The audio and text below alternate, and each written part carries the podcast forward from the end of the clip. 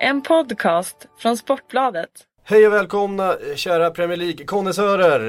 Eh, före vi pytsar iväg dagens första luftpastej så tänkte jag passa på eh, att ge er ett par nyheter här på Sportbladets Premier League-podd.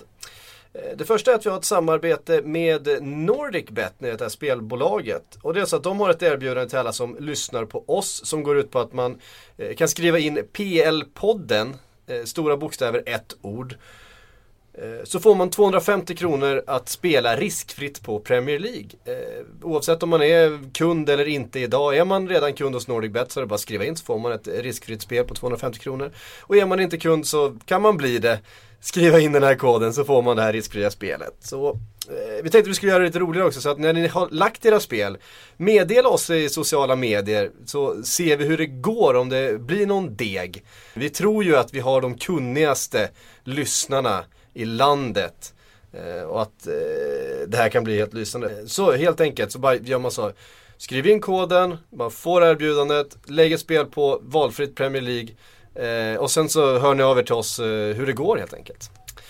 Eh, och det leder in oss till den andra nyheten och det är att vi nu finns på Facebook också. www.facebook.com Sportbladets PLP.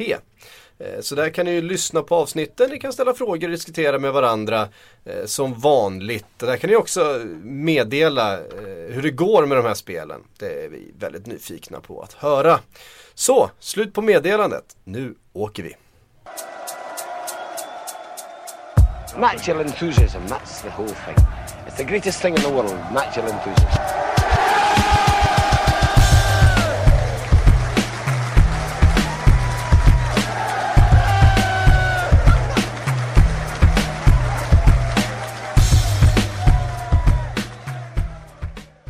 Så då hälsar jag välkomna till Kalle Karlsson och Kristoffer Karlsson, en dynamisk Karlsson-duo här i studion. Hur känns det?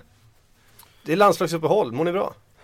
Ja, man mår ju som allra bäst under landslagsuppehållen för då brukar man kunna andas ut lite. Eh, det har varit min eh, känsla de senaste åren kring landslagsuppehållen faktiskt. Då får man eh, tid till reflektion och sådär och kan fundera på vad det är man har sett och vad man kan blicka tillbaka på. Och, eh, jag passade ju på att blicka tillbaka på James Milner här igår så att det hade man kanske inte kunnat gjort om man varit upptagen med nya matcher.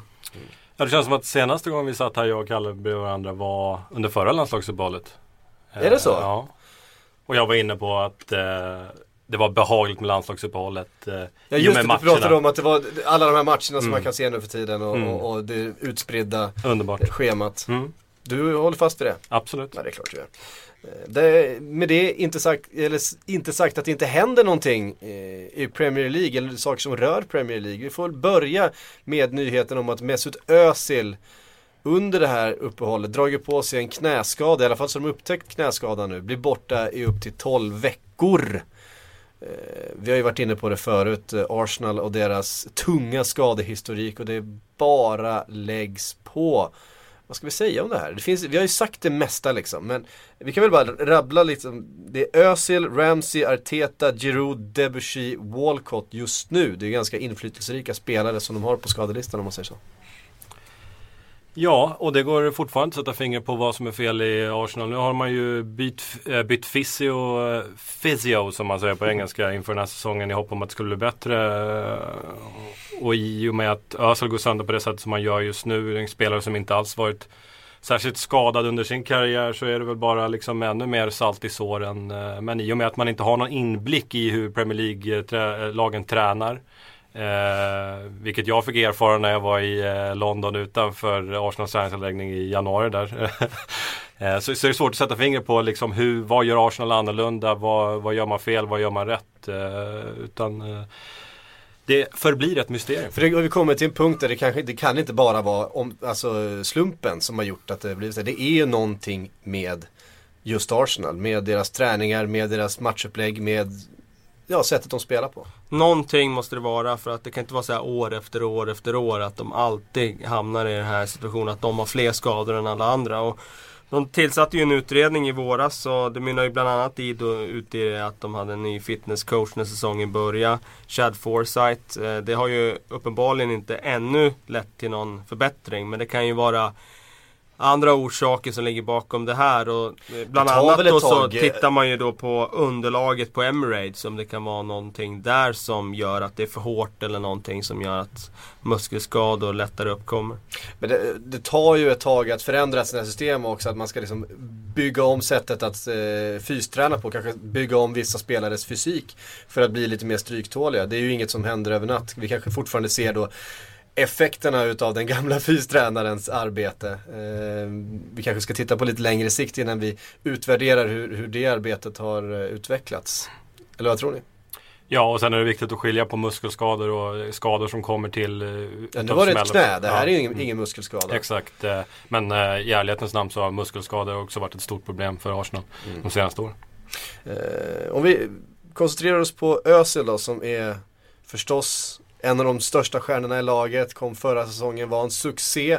Har väl inte riktigt eh, levt upp till varken prislapp eller, eller hype. Jag vet inte om han Eh. var en succé förra året, var han det? Han var bra Inled, ibland. inle, inledningsvis var Inledningsvis var han bra, sen eh, tappade han ju efterhand. Så att succé skulle jag nog inte stämpla hos honom. Vad betyder det att han nu blir borta då för? Jag pratade med Peter Wennman innan han sa att det blir bara enklare för Wenger att ta ut laget. Ja, det blir det ju kanske om man tänker på att man ska hålla alla nöjda och sådär. Men eh, för Özil personligen är det ju väldigt, väldigt tungt. För nu har han ju fått spela mer och oftare centralt. Och då har han ju faktiskt gjort en del, ett par bra matcher här. Och visat att han har mer att ge på den liksom Eh, alltså kunna bli den här ledarfiguren i Arsenals anfallsspel och den allt kretsar kring. För Arsenals del så det är klart att det är ett tapp, men det finns ju en Cazorla i bakfickan. Det finns en också en Chamberlain. Jag tror att med deras 4-1-4-1 system så kan de spela Wilshere och Ramsey nu eh, framför Flamini och Arteta. Och eh, istället för att ha en isolerad Özil på kanten där han inte kommer till sin rätt så kan man ha en annan spelare som trivs att vara på kanten. Så jag vet inte om det får så stor effekt ändå. Ja, det man kanske inte ska säga att alla Arsenal-fans jublar över att Özil är skadad men många har ju varit oerhört kritiska mot, eh, mot just honom och han har pekats ut i mycket eh, utav det som Arsenal hackat i. Vilket blir orättvist när man kollar på att han, han petas ut på en kant och inte får spela där han egentligen ska spela. Och, eh, man kan också säga att det öppnar för Oxlade Chamberlain som varit lite grann mysteriskt bortkommen eh, den senaste tiden. Så det behöver inte bara vara negativt för Arsenal. Eh, vi tänker tillbaka på den här säsongen för Özil då har inte varit någon succé direkt men var väldigt bra i Champions League mot Galatasaray. Eh, hur kommer man påverkas i att man har, man har vidare Champions League-spel, man har ett tufft schema framöver. Eh, är det framförallt där som det blir en ytterligare påfrestning då för, för spelarna som får fylla i? Nej, jag vet inte om det är i Europaspelet så jag tror det kommer ge, ge effekt både på alla, i alla turneringar. Så för att eh, nu kommer den här truppen verkligen att testas. För att eh, de har ju så pass många som är borta och så pass tongivande spelare som är borta. Så det behöver inte vara i Europa man gör dåliga resultat utan det kan vara i ligamatchen efter bara för att man har varit tvungen att spela ett visst manskap i Europa. Och det leder mig in på nästa punkt här. För med den här skadeproblematiken och historiken eh, och med det utsatta läget som de är just nu. Kan man då förstå Wengers reaktion mot Mourinho efter Cahills vårdslösa tackling på, Ch- på Sanchez eh, i helgen. Det var en stenhård tackling och Wenger reagerade direkt med att eh, marschera över till José Mourinho genom en liten bröstvärmare ändå. Eh, vi kan ju börja med att konstatera att Cahill ska ha rött kort där. Det tycker jag vi kan göra. Eh, och vi kan konstatera att Wenger har rätt att bli förbannad. Sen att kliva in i eh, Mourinhos zon. Oavsett om Mourinho ställer sig lite grann i vägen och kanske söker den här putten. för att tala fotbollsspråk. Eh, så, så, såklart inte okej. Och i, i teorin så skulle ju Wenger kunna bli avstängd för det här. Nu har man ju valt att inte ta upp det. Men, men frågan är om inte FA borde ha kollat på, på Wengers putt i efterhand. Jag, jag gillar ju när det händer men, men eh, regler är regler och eh, han borde kanske vara lite orolig för, för den avstängningen. Och, mm, nej, jag, jag förstår att han är frustrerad. Det är liksom, det, historien upprepar sig. Eh, Wenger kan inte vinna mot Mourinho och, och även om det står 0-0 i matchen när det händer så har han ändå i bakhuvudet liksom just liksom sitt agg mot Mourinho och hur, hur han inte kan liksom fälla Mourinho i de här viktiga matcherna mot storlag. Och, man viker ner sig, man förlorar en mittfältskamp, man, eh, man, man slarvar i försvaret och eh, det, det blir, det för, ingenting förändrar sig, ingenting utvecklas för, för Arsen Wenger och hans Arsenal. Man får ju känslan av att Wenger i det här agerandet samtidigt då anklagar Mourinho för att eh, ge order till sina spelare att spela på det här sättet. Att vara, spela på gränsen, eh, gå hårt åt, åt då, storstjärnor som Alexis Sanchez. Ligger det någonting i, i den liksom lite underliggande kritiken? Ja, men det har det gjort i ganska många år eh, faktiskt. För att när Arsenal var som allra bäst så det enda sättet att stoppa dem det var ju att sparka deras spelare av plan i princip. Eh, och det var ju så lag stoppade dem på den tiden. Oavsett om det var Manchester United, jag kommer ihåg någon match där när, när de lyckades slå Arsenal, när de spelade väldigt, väldigt tufft mot dem. Och Oavsett om det var dem eller när de åkte till Stoke borta så, så är det ju fysiskt spel. Det är det som har liksom brutit ner det här Arsenal-laget. Och den där finns ju kvar. Det är klart att, eh, att Mourinho inför matchen säger att de ska gå in extra hårt i närkamperna. Det är ingen tvekan om det. Och samtidigt så när Wenger puttar Mourinho och sådär och det blir kalabalik på sidlinjen. Han bidrar ju liksom oavsett om han gör det medvetet i stunden eller inte så bidrar han ju till att trissa upp stämningen. Och så senare ser vi Welbeck slängas in med en to- tvåfotare. Skulle också bli utvisad. Också rött kort. Det, eh, det var många som skulle bli utvisade i den där matchen. Korsell kanske skulle blivit utvisad. Eh, frilagsutvisning där vid straffen. Eh, men eh, men så, så, bidrar det ju också till att, så här i efterhand bidrar det till att nu är den här vetskapen om att man kan spela tufft mot Arsenal och få dem ur balans. Den är ju ännu mer cementerad efter den här matchen. Och med Wengers uppträdande också såklart som en del i det. När får vi se lag börja spela på det här sättet mot Chelsea?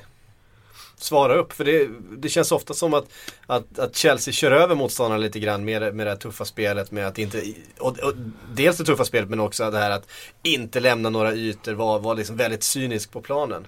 Och det känns som att alla går i den fällan liksom. Om du menar rent fysisk fotboll så mot Chelsea så vet jag inte om det skulle ha någon bra effekt. För att de är ju väldigt stora och starka. De har de största och starkaste spelarna. Jag menar, de har spelare som Terry, Cahill, Ivanovic, Nemanja Matic, eh, Diego Costa dessutom. Alltså, det är inget lag du utmanar i någon slags sluggerfight och, och går vinnare ur det. Utan jag tror att det sättet eh, som man kan eh, bräcka Chelsea med. Det är ju att du eh, inte låter dem vara det här laget som backar hem och kontraslår och, och hugger när läget ges. Utan att du själv blir det laget som, som också backar hem och stänger ytor och sen eh, kontrar du istället på Chelsea. Eh, det var ju förmodligen det som var anledningen till att de, de förlusterna de gjorde förra säsongen, det var ofta mot lite sämre lag. För det är ju intressant, det är många vi har pratat ganska mycket mittbackar den här säsongen och eh, många mittbackar som får, som får kritik för att de är, är tröga, de hänger inte med i omställningar, de blir ifrånsprungna. Chelsea har kanske det långsammaste mittbacksparet av alla topplagen. Men blir egentligen aldrig utsatta för den typen utav attacker. De, de, lyckas få matcherna hela tiden i en situation där John Terry behöver inte ta någon löpduell med eh, en, en vindsnabb, vem vi nu ska, kan ta, ja, Oxlade Chamberlain i, i, en sån här match då till exempel. Eller en eh, Danny Welbeck som också är mycket snabbare än, än John Terry förstås. Och där kommer vi tillbaka till den, liksom, den fysiska närvaron man har på ett mittfält. Jämför med Arsenal till exempel som har ett liksom, fysiskt svagt mittfält så, så förlorar de här duellerna och det blir de här omställningarna på en Mertesacker, på en Korselny som bevisligen inte hänger med. Inte Diego Costa och det är inte första gången de liksom blir ifrånsprungna helt chanslösa. Det ser dystert ut. Mm. Vi, eh, sen någonting mer om, om den matchen var ju att Peter Käck fick spela lite fotboll. Eh, det mådde han säkert bra av. Det där är ju, har ju blivit lite infekterat. Nu börjar det ju pratas om att, eh, att Käck själv vill lämna eh, till vintern här om han nu blir kvar som andra målvakt vilket han nu verkar ändå vara cementerad. Eh, Courtois verkar vara fine, han är uttagen till belgiska landslaget, ska väl spela EM-kval här. Eh, precis som de flesta andra. Ehm, kommer han lämna Check i januari? Jag förutspådde ja. att han skulle lämna i januari och det, det, tror jag han har blivit ännu mer övertygad om med tanke på att Courtois har levererat så pass bra. Och han kommer inte släppa den där på första posten under den här säsongen. Så är det ju. Utan jag tror Check ser nu att han är förpassad till andra, andra val. Vart ska han ta vägen då? Stannar han i England? Vi har varit inne på det här tidigare. Det finns eh, ett otroligt eh, överflöd på toppmålvakter i Europa och eh, om vi kollar på England i synnerhet så, eh, så enda liksom logiska klubben som liksom matchar hans status någorlunda i Premier League skulle ju vara Liverpool om, eh, om inte Valdes flyttar dit och i och med att Minolet känns eh, nästan färdig i den klubben. Ja, nu rykt, det har ju ryktats ganska länge om, om Valdes och vi får väl se vad som händer. Ehm, om vi bara plockar upp det spåret, kan han förbättra Liverpool? Ja, definitivt. om- om- Omedelbart. Nej, eh, Victor Valdes som det pr- pratas om. Ja, definitivt. Absolut. Nu är det svårt att säga var han står efter sin skada och sådär. Men jag tror också att miljöombyte för han skulle ge en nytändning också. När han har anpassat sig lite till, till spelet i England så, så tror jag att eh, det skulle vara en förstärkning definitivt. Men du är inne, med, inne på att eh, till och med att Minolet kanske är färdig i Liverpool. Ja, alltså jag, jag, jag skulle bli något förvånad om han är första målvakt i klubben efter januari. Eh, och jag skulle bli väldigt förvånad om han är första målvakt i Liverpool eh, efter nästa sommar. Mm. Eh, intressant, vi, vi lämnar det där eh, och går vidare till Manchester United där vi, också, där vi fick se kanske helgens absolut bästa målvaktsinsats. David de Gea var fullständigt omutbar, inte minst eh, i slutskedet när, eh, när han testades vid ett par tillfällen. Riktiga monsterräddningar alltså. Ja, det var ju en helt otrolig målvaktsinsats såklart. Och eh, man har ju sett eh, de Geas utveckling nu under tiden han, sedan han kom till United. Att det har ju gått liksom steg till steg. Och till början lite valpig. Vägde väldigt lätt i luftrummet. Eh, Var ju faktiskt hotad utav eh, Lindegard där i, i, Ett eh, tag, ja. i början. Ja. Eh, men sen har han tagit steg för steg eh, och eh, faktum är att nu känns han faktiskt redo. Nu känns han färdig, som en färdig målvakt. Eh, det finns inga svagheter längre i hans spel utan nu är, han, nu är han där och nu ska han upp och slåss med de allra bästa. Det är nästa steg för honom. Och eh, tajmingen hade inte kunnat vara bättre med tanke på vilket mitt, mittbackspar man får klara sig nu när, eh, med nu när Jones och Evans och Smalling är borta. Det känns som de Gea är, det är liksom, det är försvarsstrategin just nu hos eh, United. Ja, ungefär så. Ja, det var ju det nu mot Everton i alla fall, det kan man ju lugnt säga. Eh, ett Everton som eh, fortsätter att gå lite trögt. Vad säger ni om helgens match? Också ganska skadedrabbat Everton. Ja, och så ska man ha i åtanke att de var i Krasnodar på torsdagen. Mm. Eh, även om det inte är exakt samma manskap som spelar så, så är det klart att en sån resa, Euro- Europa League speciellt bort eh, djupt in i Ryssland så blir det ju extra jobbigt. Eh.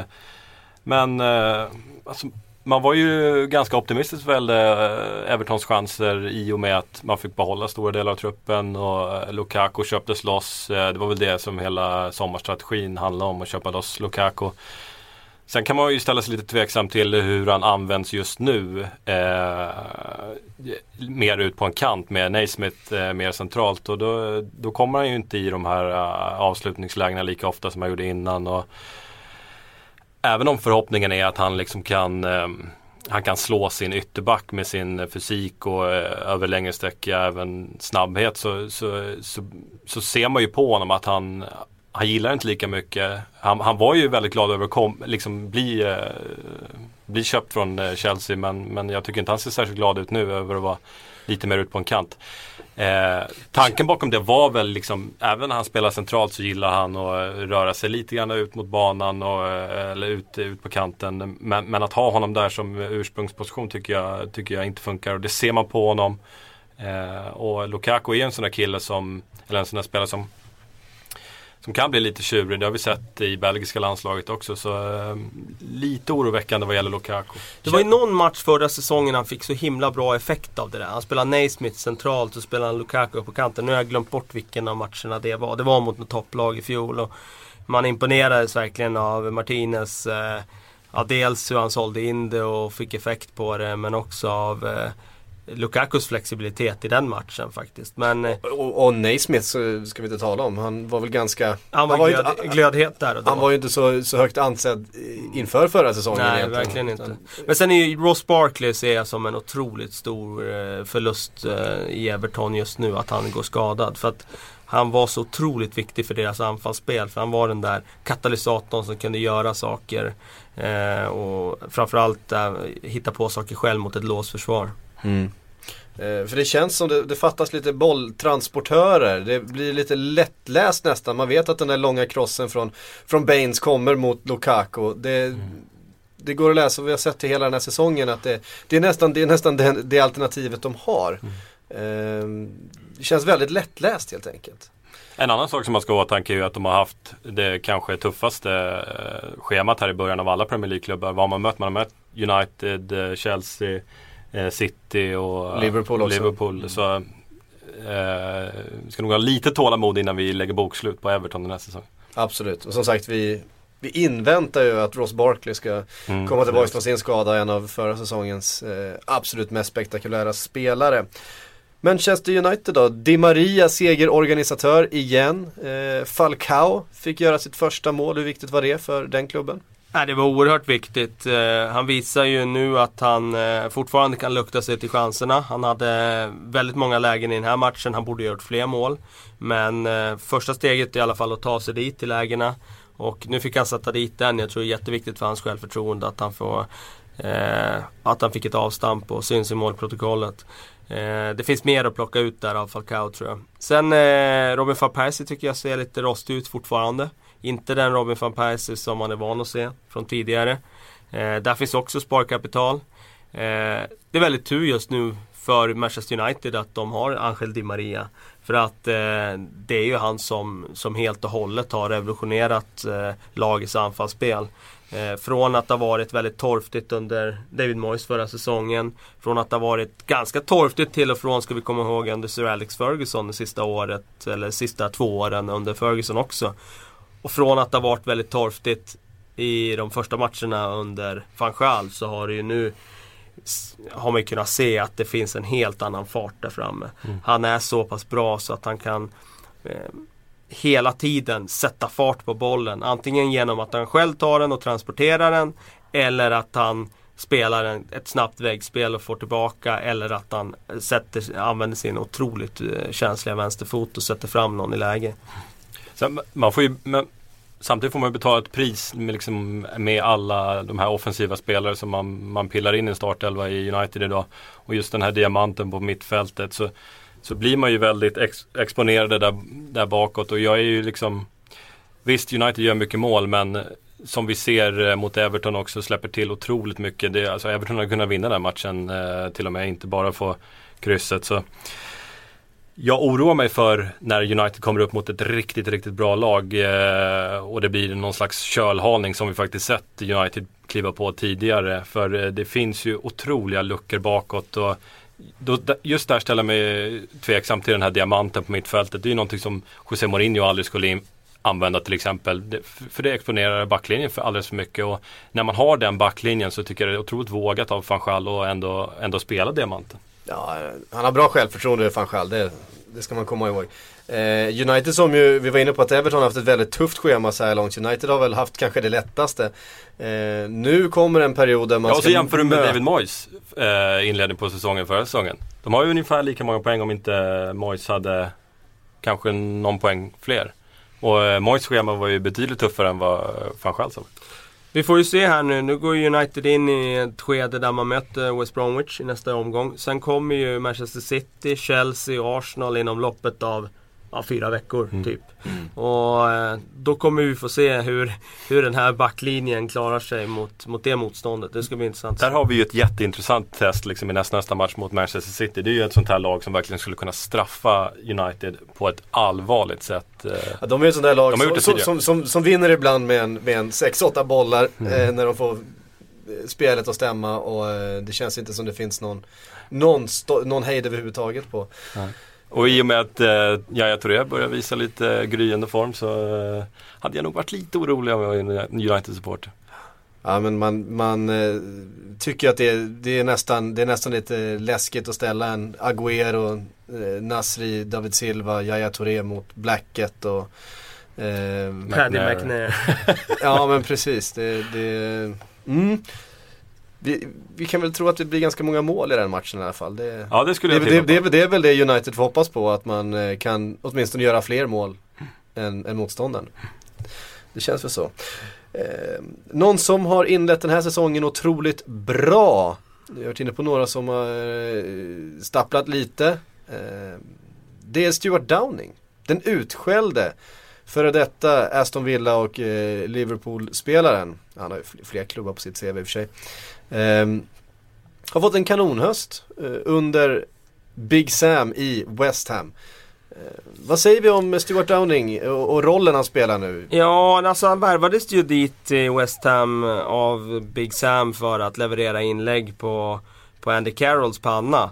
Och det gjorde han väl i och för sig stundtals och eh, gjorde en del bra matcher under förra säsongen. Men det han har gjort i år är att han har fått tagit klivet in centralt i någon slags falsk nio-roll eller droppande anfallare. Och det sättet han har spelat på där, det har ju varit otroligt imponerande. Och han har eh, visat ett register som man inte har kunnat eh, demonstrera när han spelar på kanten. Han, han är väldigt spelskicklig och som passningsleverantör nu så, så håller han faktiskt hög klass. Eh, även som en central spelare och det har varit väldigt kul att se. Mm. Har ju speeden fortfarande. Har dessutom speeden. Han blir lite som Ryan Giggs när han kliver in centralt. Att han kan ta fram boll i plan för att han möter inte lika snabba spelare där inne centralt. Och så när man själv är ytter och är lite lurig och irrationell och snabb i steget, första stegen sådär. Då, då, kan, då kan man bli väldigt effektiv där inne. Och det, det, det har han blivit precis som Giggs blev en gång i tiden. På, på, det sättet så är ju Carroll skadad lite grann av en välsignelse för honom i och med att han får spela en annan sorts fotboll med de offensiva spelare som Allardyce faktiskt värvat in uh, den här sommaren. Det är inte utan att man imponeras av både Allardyce och eh, Downing i West Ham. Mm. Det är intressant tycker jag bara West Ham om man tar som under Allardyce så har det ju varit en uh, utpräglad långbollsfilosofi. Och på stora spelare och på Carroll där framme och Kevin Nolan har varit skräddarsydd för att vara mm. andra bollsmottagaren när Carroll nickar ner. Nu har de ju helt andra spelartyper där framme. Nu har de speed med Sacco, Enne Valencia, Downing.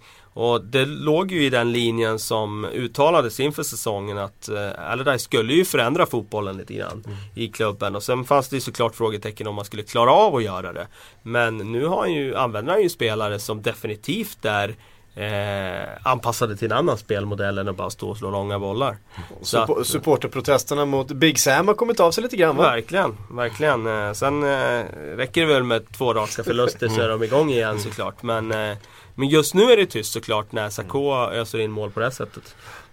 Någon som har fått utstå lite supporterprotester den senaste tiden är den gode Ari Rednap i eh, QPR.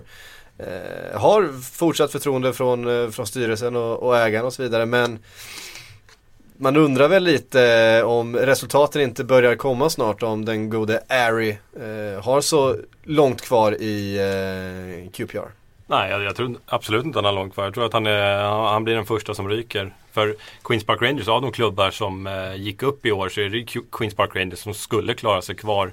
Eh, som behåller en redan dyr trupp eh, som man gick upp med nätt och jämnt ska sägas. Eh, men no någonting är fel i eh, Queens Park Rangers och varför Rio Ferdinand får eh, förtroendet match efter match är lite grann av en gåta. Eh, Nej, alltså, jag, jag, tror att han ryker ganska omgående. Jag, för mig är Queens Park Rangers det, det sämsta laget i Premier League just nu. Det är en walk in the park för de flesta lag som tar sig an Queens Park Rangers idag. Vi har ju pratat om det vid något tidigare tillfälle här. Deras höga medelålder och deras få löpmeter. Eh, att det verkligen, det verkligen, det känns och märks när man tittar på det här laget att de är ett lag som har gjort sina bästa säsonger bakom sig. Vi, tog upp Rio Ferdinand, vi har en Joey Barton, vi har en Bobby Samora, vi har, ja, men vi har ganska många i den ja, jag kategorin. Jag tycker Pontus Kåmark, han highlightade ju Nico Kranjčar ganska mm. tydligt i helgen och hans bristande defensiva arbete. Det är klart om du sätter dig på plan när du förlorar bollen och surar sådär som om du är i sandlådan. Då, då är det klart att det inte blir några löpmeter i statistiken. Då är min nästa fråga, för vi var inne på eh, Newcastle förra veckan. Vi pratade då om eh, David Moyes som eventuella eh, då arvtagare till eh, Pardew. Vore inte QPR en David Moyes produkt att ta över och bygga upp det här? Det finns pengar. Ehm, det handlar nu om att liksom sätta en ram och, och du vet ta de där poängen som krävs. Vore inte David Moyes ett eh, perfekt namn för QPR just nu? Jag, jag skulle säga att det perfekta namnet för QPR är Ian Holloway. Eh, med tanke på vad han gjorde för Crystal Palace och varför han lämnade Crystal Palace i det att han ville ha mer pengar än vad han tilläts få där efter att ha räddat dem. Så...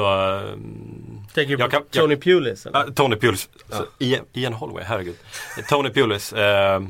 Eh, så jag- jag ser snarare Pulis som, eh, som liksom den hand i handsken för eh, ett Queens Park Rangers idag. Men jag förstår vart Det är ju ingen som sätter sig ner och surar om man har Tony Pulis på, eh, på sidlinjen. För då kan Nej, vad som helst hända. riv, I, river han ju kontraktet så tar han in eh, Cameron Jerome istället. ja, precis. Stod ju på en skalle i omklädningsrummet och i duschen. Ehm, David Moyes då? Va? Nej men alltså det är ju en bra klubbyggare David Moyes. Det visar han ju i Everton. Och... Är det inte det QPR behöver Jo, nu? då? absolut. Och jag tror fortfarande att David Moyes, om man får komma ner ett par steg på den där trappan. Eh, komma ner på en klubb på lite lägre nivå, det vill säga ett lag på under halvan i Premier League. Att han skulle kunna göra ett väldigt, väldigt bra jobb, det tror jag. Mm. Sen är det ju, jag menar, har du spelare som Nico Kranjčar då är det inte säkert att Tony Pulis och David Moyes kan få honom att springa ändå. Alltså då är, handlar det snarare om att du måste rensa i den truppen innan du kan eh, städa upp där.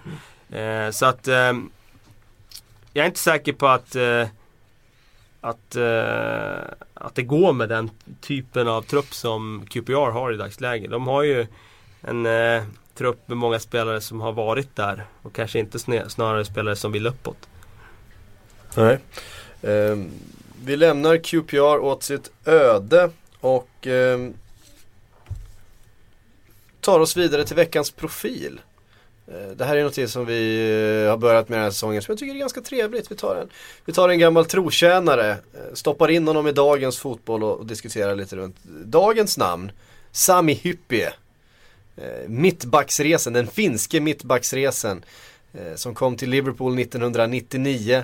Eh, helt okänd egentligen för de flesta. Kom från Willem 2 i Holland. Eh, och blev en utav, en av eh, ligans bästa mittbackar och en, en legendar för Liverpool. Vad, hur är era, era känslor kring Sami Hyppie? Att han hade behövts i Liverpool idag. Kan vi väl börja med.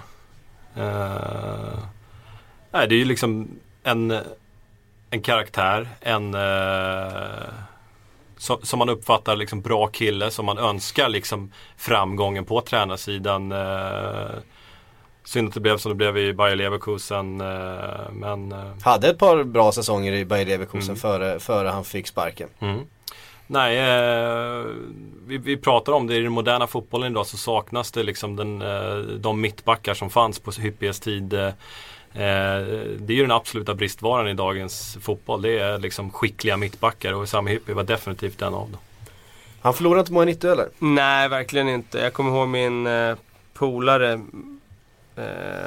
då på den tiden som jag spelade fotboll med. Han hade en finsk mamma. Han var fullständigt eh, eh, alltså galen i Sami Hyppie. Det var hans, efter Jari Littmanen såklart så är han ju den största fotbollsspelaren Finland någonsin har fått fram. Och, Eh, I hans värld så, så var han ju världens bästa mittback. Eh, men, eh, och det kanske han inte var, men när han stod på topp så var han ju en av ligans absolut bästa mittbackar. Och då ska vi komma ihåg, det var under en tid när det fanns otroligt bra mittbackar i Premier League med Jaap Stam och de som Arsenal hade på den tiden var ju otroligt bra med Sol Campbell och, och Tony Adams och, och så vidare. Så att eh, det, det var hård konkurrens då, men Sami Hyppie var där uppe bland de allra största. En svunnen tid som sagt. En svunnen tid. Om vi inte tittar på Liverpool, men jag har varit inne på att det är så många lag som behöver den där, den där stora, starka, stabila mittbacken. Så han skulle nästan gå in var som helst. Eh, Ja, i princip var som helst. Eh, Kanske, kanske inte, eh, men ja, Ja, men kanske, brev, brev, kanske inte Chelsea då, som Nej. har ett så samspelt mittbackspar i Terry och Cahill då. Men, men det, det känns konstigt att placera Sami Hyppie någon annanstans än i Liverpool när de dessutom skriker efter en mittback. Så Ja. att eh, jag sätter dit han och plockar bort eh, någon av de som står Så där tar vi, tar vi tillbaks Jamie Carragher också så har vi Hypp, Hyppie och, och Carragher. Steven där, liksom. Henshaw. Steven Så har en bra Henshaw. trio. Ja. Nej, han hade tagit plats i City också eh, med tanke på Mangala, lite svajig inledning. Så definitivt. Precis. Eh, Sami Hyppie, härlig kille. Eh, vart är han nu förresten? Det borde, det borde skrivit upp här i Ja, mitt papper. Eh, han är i Championship någonstans. Han är i Brighton va? Han är, just det, han är i Brighton. Mm. Brighton and Hove Albion. Eh, vi får väl se ifall vi får se honom i, i Premier League snart igen. Jag vet att det finns många eh, Liverpool-nostalgiker som gärna hade sett honom som en ass och styra upp försvaret där bredvid Brennan Rodgers. Men jag tror att Sami själv inte har en assroll i, i huvudet om han ska ta över ett Premier League-lag. Tyvärr har ju Brighton sålt sin stjärnanfallare Leonardo Ulloa inför säsongen. Jag var lite skeptisk på huruvida han skulle anpassa sig Han har ju öppnat ganska bra. Han har öppnat minst sagt bra. Han har öppnat fullständigt lysande. Eh, och det var kul med tanke på att de betalar mycket pengar för honom. Mm. Att de fick utväxling på den affären. Men vi pratade om honom tidigare här i någon podd och jag sa det att han är, han är väldigt stark i luften tack vare sin storlek såklart och sin nyckstyrka. Men hans arbete han lägger ner på planen. Att han, eh, när han springer och pressar försvar motståndarnas försvarare eh, och det jobbet han tar i defensiven. Det är, ja, det är det som har gett eh, mest intryck på mig faktiskt. Mm. Um, Ulloa var det. Um, nästa punkt som jag tänkte vi skulle ta upp. Eh, det är lite, det ska vi säga, som en liten uppföljning på någonting vi, vi eh, diskuterade för eh, ett par veckor sedan tror jag. Då handlade det om All-star-lag i Premier League. Något som vi sågade fullständigt. Nu har det pratats ganska mycket och det här är någonting som kommer från såväl klubbar som, som ligan. Eh, och jag tar det genom en fråga från Pontus Karlsson för att eh, jag gillar hans formulering. Eh, era tankar om att flytta en omgång utomlands. En match som Stoke West Bromwich på typ Friends luktar inte succé. Stoke West Bromwich på Friends hade nog sålt ut eh, skulle jag tro. I min värld hade den ju sålt ut eh, vilken arena som helst i världen. Men eh, Nej, det är klart att eh, man kan ha mycket synpunkter på det där med att flytta omgångar och sådär. Och jag är ju såklart inte, ser inte det positivt att man gör det. Men jag ser det samtidigt som en naturlig utveckling. Och det är väl någonstans en mått på hur långt det har gått. Men när andra idrotter har flyttat eh, matcher. Vi har haft NHL i Globen. NHL till exempel i Globen. Vi har haft NFL, NHL i, i andra delar av världen också.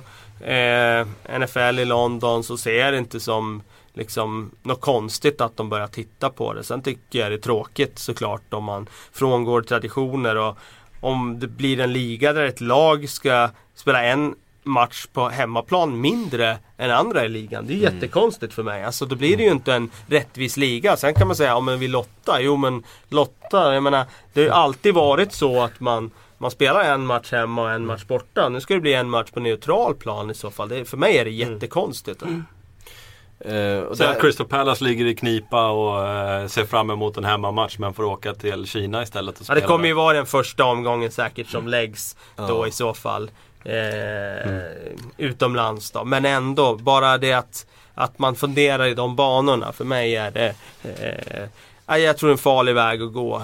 Nu börjar man med att lägga en match utomlands. Ja, sen vad nästa steg? Ska vi lägga två matcher? Och sen mm. tre då? Sen spelar inte ligan lite huller och buller i världen. Så har vi Boxing Day i, Florida. Ja precis, det skulle kunna vara så. Mm. Bara för att det är snö liksom på planerna i England. Mm. Men det är ju en del av skärmen. Det ska ju vara snö på planerna ja, på Boxing Day. Ja men det ska ju vara så. Ja alltså när, när det här var eh, på tapeten första gången 2008 då var det ju snack om att man skulle spela på varma orter som i Gulfstaterna och i Australien och då, då var det ju mer liksom att man skulle komma bort eh, under vintern eh, för att spela en extra omgång som det var då, en 39 omgång. Men Alltså i den fotbollsvärld som vi lever i där allting handlar om pengar så för mig är det ofrånkomligt. Alltså gör man så i USA och i de amerikanska ligorna där allting handlar om pengar så, så kommer det även bli så i Premier League där allting handlar om pengar. För mig är det ofrånkomligt, det kommer bli så. Mm. mm.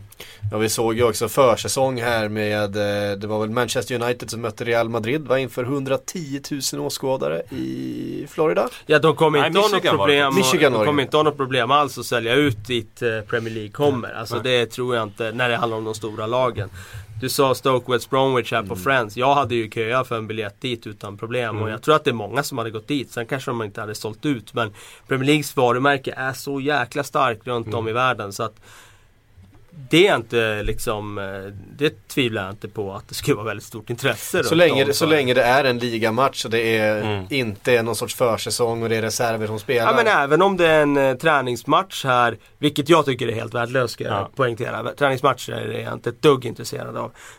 men eh, när de spelas eh, runt om med, med de stora lagen. De säljer ju ut då också. Mm. Ja, alltså just USA-exemplet med United och Real Madrid inför den här säsongen Eh, det som är extra intressant med det är ju att matchen spelas i Michigan som inte är någon, eh, någon slags borg för eh, den europeiska fotbollen. Hade du spelat i Seattle så kanske det hade varit eh, mer förståeligt eller i Los Angeles eh, eller New York för den delen. Men nu spelar man alltså i ett Michigan och lockar 110 000 människor. Det säger ju rätt mycket om dragkraften för Premier League. Var det i Detroit, i Hockeytown dessutom? Ja, det måste väl nästan men, varit om det var uh, Michigan. Jag minns faktiskt inte vart det var. Jag tror inte det var i Detroit men det var i Michigan delstaten. Chicago kan det ha varit också. Kanske. Chicago är Illinois. Illinois, ja, Just precis.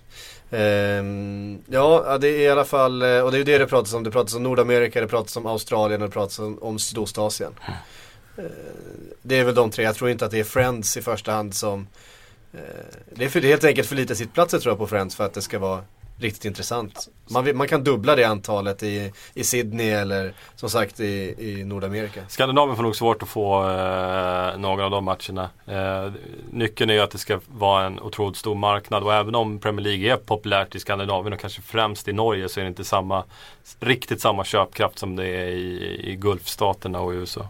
Nej, så är det.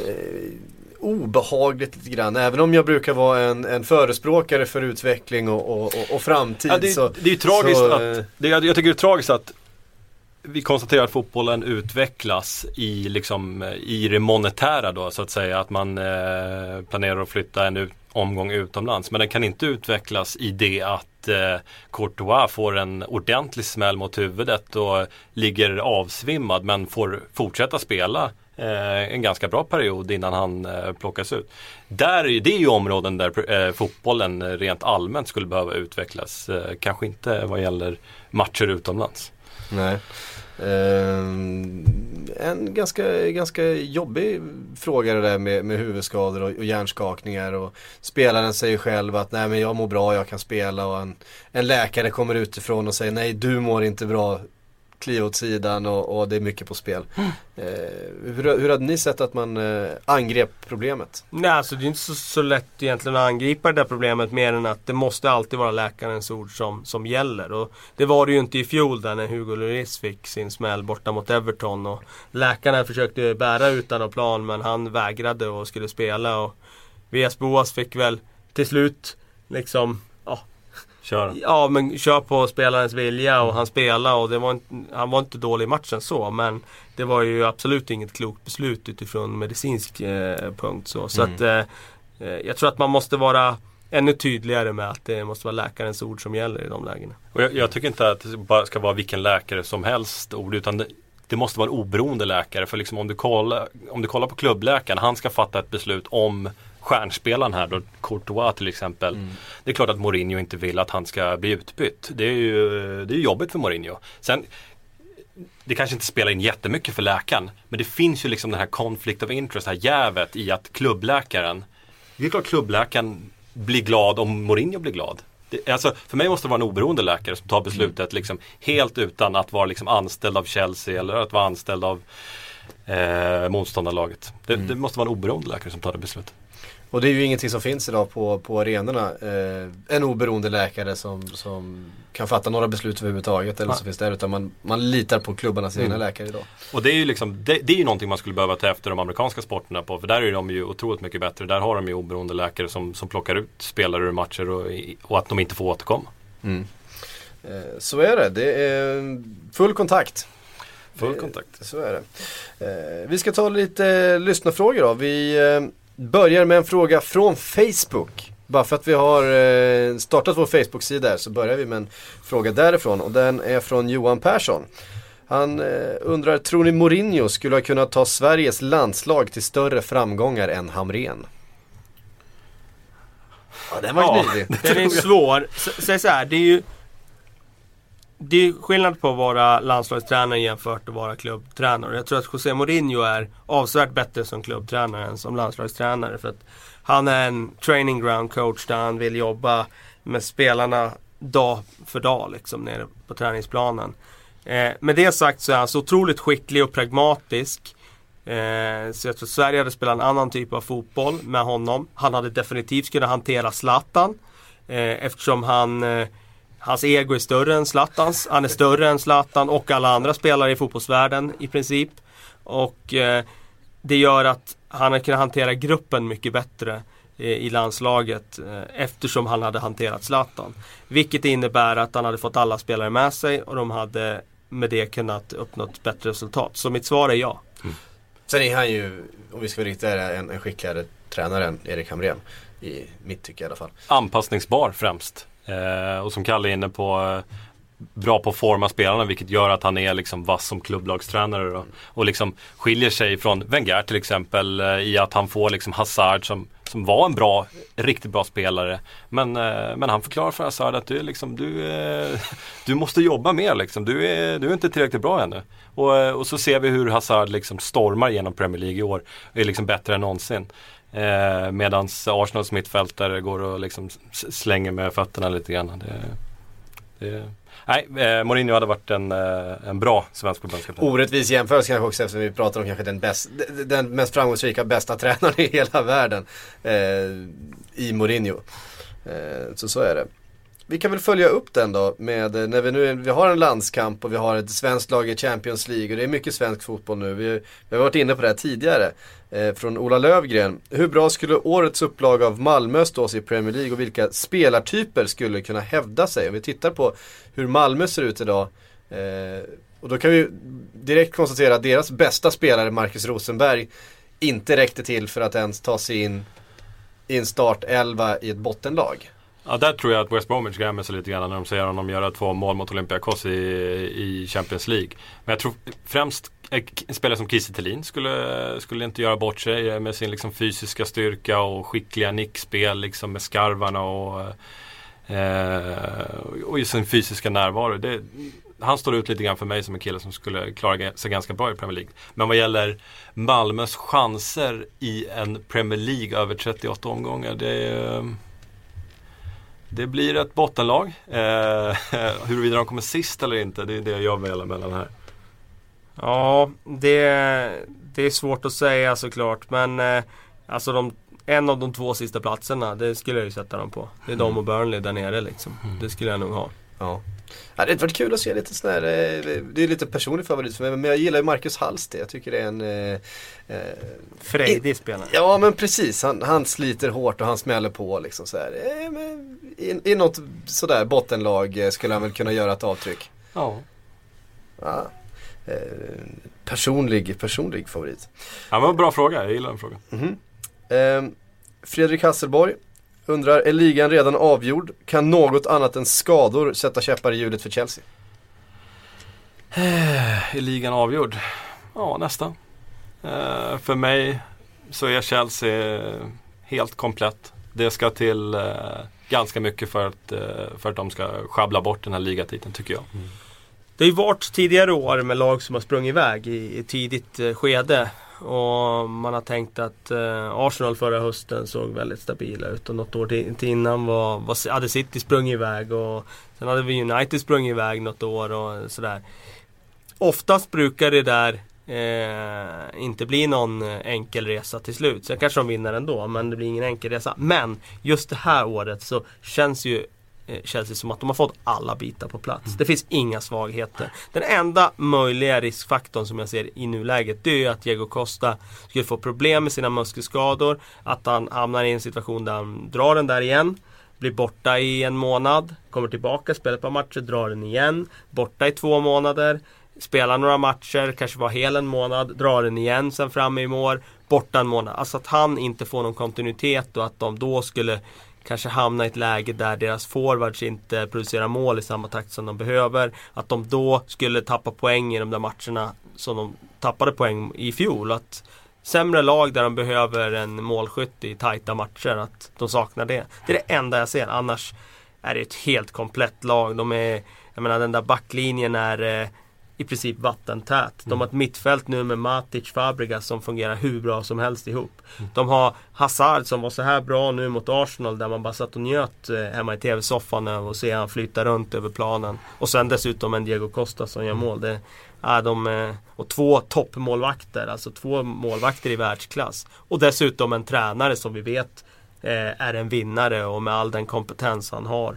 Är det det är jag svårt att se att något skulle gå förbi dem i år. Mm. Nu går det inte att säga säkert att eh, även om Loic Remy är en bra anfallare att han kliver in och gör ett jobb om Diego Costa skulle bli skadad. Men, men jag gillar honom som ersättare. Jag tycker han är, han är betydligt bättre än vad en Didier Drogba hade varit ensam där. Eh, och sen liksom Mourinho är en kill, eller en tränare som, som inte gillar att skifta för mycket, liksom lufta truppen allt för mycket. Och det är väl någonting som kanske skulle kunna tala för att Diego Costa eh, går sönder lite grann i december, januari. Men vid den tiden så tror jag att Chelsea kommer att ha ett så pass stor ledning att liksom lagen som kommer på besök då, även om Diego Costa inte är med, känner liksom den här, den här matchen är ju liksom det här vi möter Chelsea, de har ju redan stuckit med det. Den här matchen har vi ingenting att hämta i. Eh, vi fokuserar på nästa vecka istället. Och då blir det ju andra sorters matcher där Chelsea fortsätter att rada upp segrar. Jag tror att... Ja, då är man inne i en god cirkel. Ja, då blir det ännu enklare att mm. vinna. De har vunnit så blir det ännu enklare Manchester United för, för några år ja, sedan hade ju precis. den. Alltså, och Arsenal om går tillbaka ännu längre. De hade mm. också den där att mm. motståndarna kände sig slagna på förhand. Mm. Det, mm. då blir det ännu enklare att vinna. Um, och just det, det, är ju bara City som kan, eh, som kan fånga dem. Liksom, om du kollar på de andra lagen så är ju liksom Manchester United problem, Liverpool har problem, Arsenal har problem. Liksom jag, ser, jag räknar ju bort alla de tre eh, för ligatiteln och det skulle vara City om de kommer ikapp men jag tror inte de gör det. Nej. Um, Erik Tektor skriver Nej förlåt, eh, nu hoppar jag över det. Anton Nordhem eh, skriver, tror ni Chelsea ångrar värvningen av Salah med tanke på hur lite speltid han fått?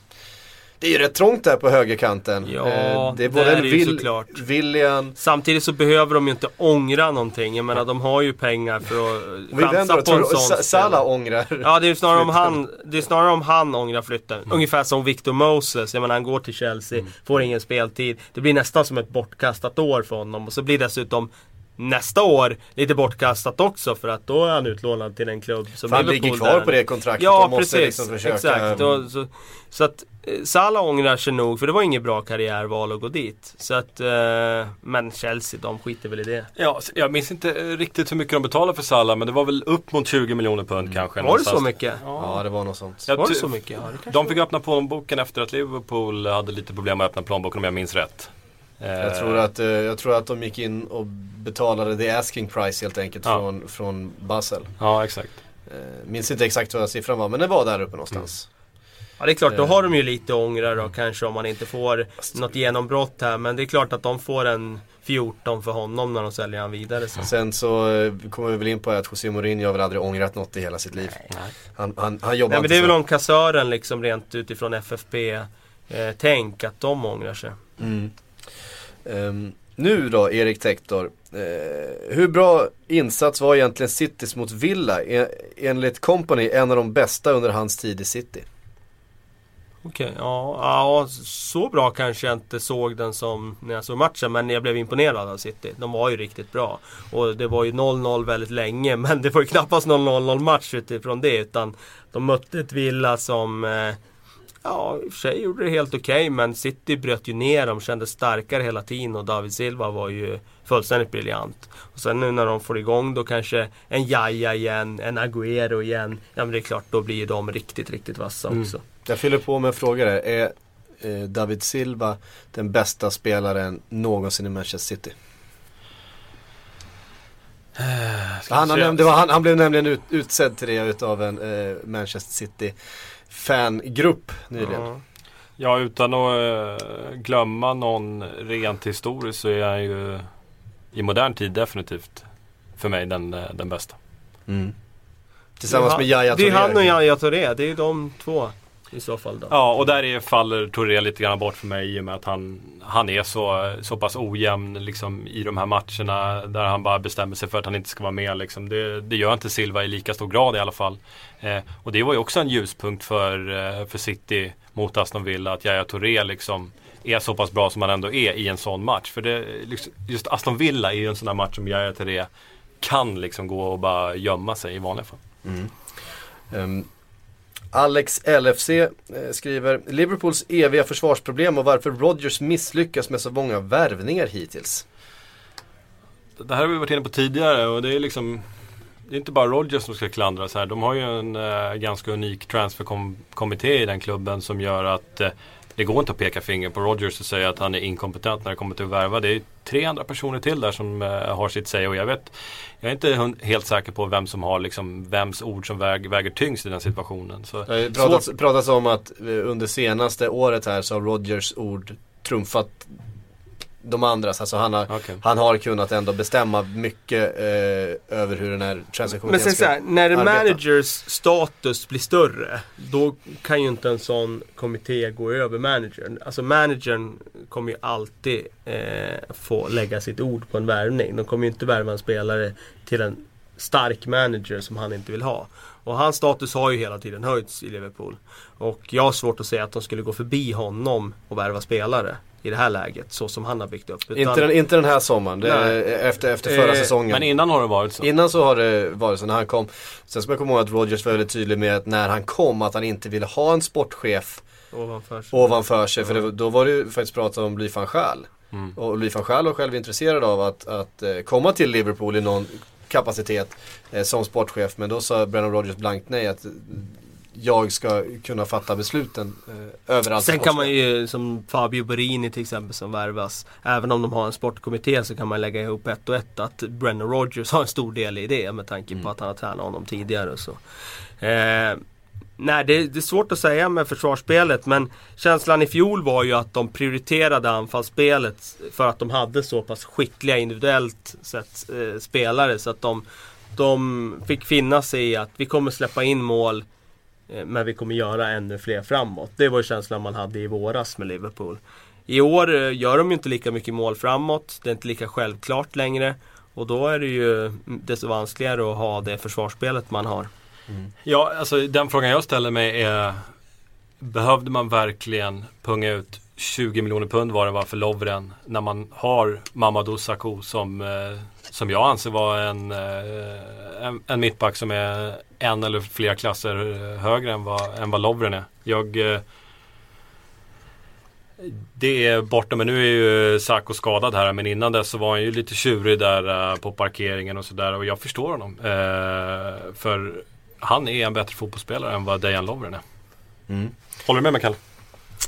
Eh, ja, alltså jag vet inte. Om, om jag går på det som Lovren visade i fjol mm. i SA-15 så tyckte jag det var väldigt, väldigt lovande. Eh, framförallt det han visade under hösten där. Och då, för mig var det naturligt då att han skulle få ögon på sig från någon av, någon av toppklubbarna. Och nu när Liverpool var ute och jagade mittback så tyckte jag att det var en, en logisk värvning eh, att eh, gå på honom. Så ja, jag kan inte så här i efterhand sitta och säga att det var fel att plocka in honom. Liverpool behövde ju en, en mittback. Nu har inte det fallit väl ut, ännu. Eh, ska sägas. Det är möjligt att han växer in i den här kostymen men eh, ja, jag vet inte. Sakho har sina fördelar, han är otroligt duellstark. Så. Men eh, han har sina brister också och han är inte heller för mig någon, eh, någon eh, toppklassförsvarare ännu. Okay tycker mycket det här har handlat om eh, brist i kommunikation. Eh, oavsett vilken, vilken duo som har ställt upp om det så har varit Skertel med Sako, Skertel med Lovren eller Lovren. Lovren Sako har ju faktiskt inte spelat sådär jättemycket tillsammans. Den har ju oftast handlat om Skertel tillsammans med någon av de andra två. Eh, och samarbetet har helt enkelt inte fungerat riktigt. Eh, både, både Sako och Lovren vill ju gärna stöta på, på sina anfallare och kliva upp istället för att falla med. Och där har det liksom samarbetet inte riktigt funkat då med, med Skertel som ofta är lite vild i sin, eh, i sin spelstil och kan befinna sig lite, lite felpositionerad i de lägen lägena och ibland så har vi sett att båda mittbackarna gått på samma boll och så vidare och blivit fullständigt överspelade. Så att det eh, finns en del mer att, att hämta. Eh, Henrik Larsson, vi eh, utgår från att det inte är Henrik Larsson, eh, Celtic, Barcelona, Manchester United utan att det är någon helt annan Henrik Larsson. Skriver, vilken Premier League-klubb gör mest för sin stad sett ur ett samhällsperspektiv, alltså utanför planen? Den tyckte jag var intressant. Ja, alla de här historierna läcker ju inte ut. Du säger att de, de flesta klubbarna gör faktiskt ganska mycket. Mm. Ja, Men allt är ju inte liksom, eh, allt blir inte offentligt. Det finns ju mycket som görs vid sidan av. Ja, vad fan skulle det vara? Gör mest för staden. Alltså det som, de som betyder kanske mest, då tänker jag på Eh, de kanske lite mindre städerna med Ja. ett stort lag. Jag tänker på Hull, jag tänker på Cardiff, Burnley, eh, Burnley, eh, Newcastle. Swansea. Mm, eh, som är jätteviktiga. Eh, Nej men det är något sånt där man får gå på ska jag tro. eh, Sunderland också. Ja. Eh, det är viktiga samhällsbärande institutioner i de där stä- städerna, verkligen. ja de sätter ju de där städerna på kartan dessutom Mm. rent ur sån turistsynpunkt så. Precis, sen var det någon som eh, Sen finns det vissa spelare också, jag tyckte den här eh, som Naismith gjorde i somras till exempel var, var väldigt fint när han eh, gav bort matchbiljetter till, eh, till arbetslösa eh, i Liverpool. Eh, där han tyckte att eh, det var helt enkelt för dyrt, det var orimligt. Att det var bara människor med stora plånböcker som skulle få gå på fotboll. Och köpte själv för egna pengar matchbiljetter som han helt enkelt gav bort till de som var det var Everton-. Everton-supportrar men som inte hade råd att gå. Eh, Så att det finns spelare som gör, eh, tar initiativ också, det får man inte glömma bort. Sen var det någon som eh, just pekade på Liverpool och Everton, tog två, nu kommer jag inte ihåg vilka det var, men det var två stycken riktiga floppvärvningar, en från varje lag och sagt att de hade lagt de här pengarna på att utveckla en riktig ungdomsverksamhet för fotbollsspelare i staden. Byggt planer, sett till att det fanns liksom förutsättningar, fler utbildningar för tränare och så vidare. Så hade det varit så otroligt mycket värt för den här ganska slitna staden på många sätt, eh, Liverpool och den här delen av England och det hade genere- genererat så mycket eh, fotbollsspelare. Det där gäller sikt. för Stockholm också kan jag skjuta Mm. in. Eh, lägga pengar på planer. Mm. I alla fall det var pengarna man la på El Hadji Diouf Ja, och, det. Ja, och någon till som Mm. var helt, Ja, helt bortkastade. Eh, så hade man sett andra effekter idag. Eh, men det är intressant det där. Eh, med eh, just vad, vad fotbollen betyder. Mm. Magnus Wexell undrar, kommer Chelsea kunna spela på samma vis i Champions League? Vad skulle den taktiska förändringen vara? Alltså samma sätt som man spelar i Premier League mot de här. När man möter de bästa lagen. Ja, jag ser inte något problem att göra det. Alltså det är inte så att de spelar eh, som en offensiv fotboll som skulle bli för naiv i Europa eller så. Utan eh, de spelar ju en fotboll som definitivt är gångbar när de tar sig ut i Europa. Så att eh, jag ser inget problem med det. Jag skulle säga att det är den perfekta fotbollen att spela i, Europaspelet. Mm.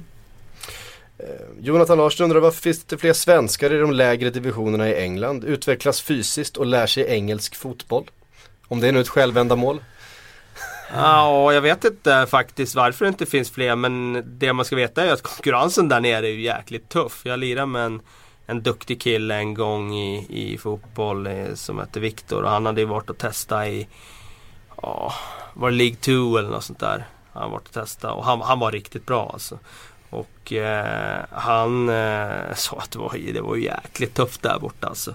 Det var ändå fjärde ligan där borta. Och eh, ja, det, var, det, det är riktigt bra nivå. Även om du går ner till conference så är det bra nivå. Så att, då ska du vara typ en superetta-spelare i Sverige. Om du ska kunna gå ner och lira liksom League 2 i, i, i England. Liksom.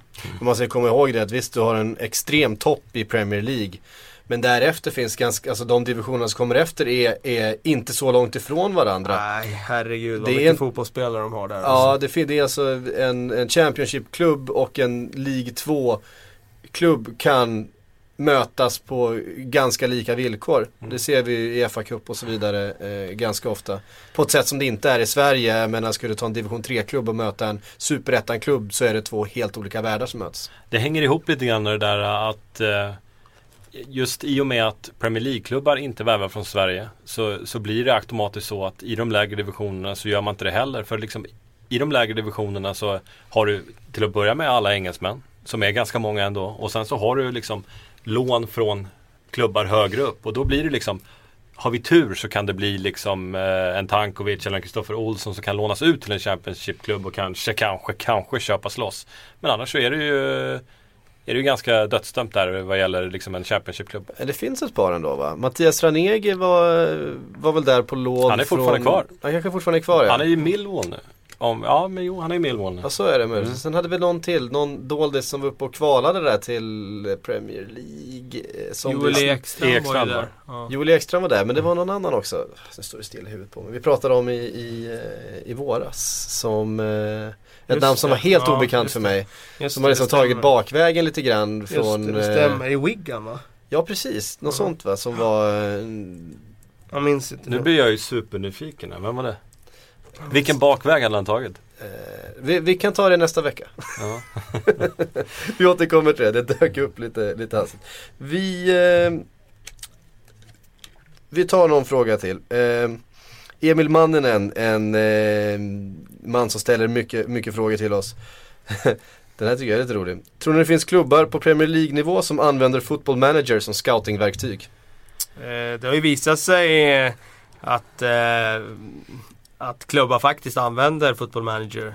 Eh, Så jag tror att, att, inte att de gör det konsekvent. Men jag tror att de kan göra det på det sättet som det har berättats någon gång. Liksom att man bara kör en snabb sökning. Vem är det här?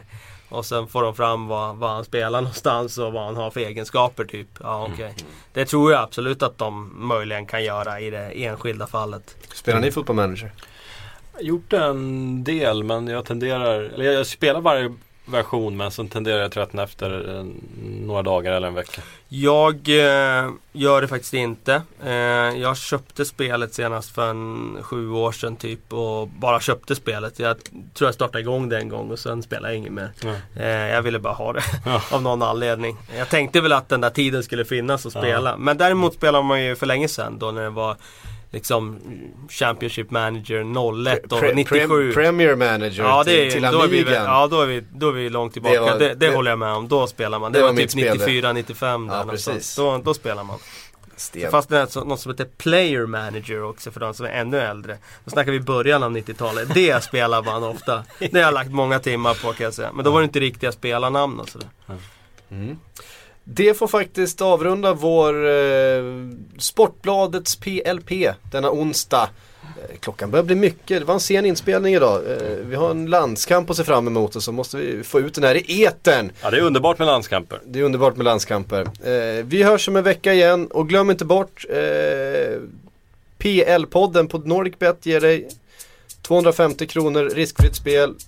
Skriv till oss hur det går på Facebook så hörs vi om en vecka igen. Hej på er!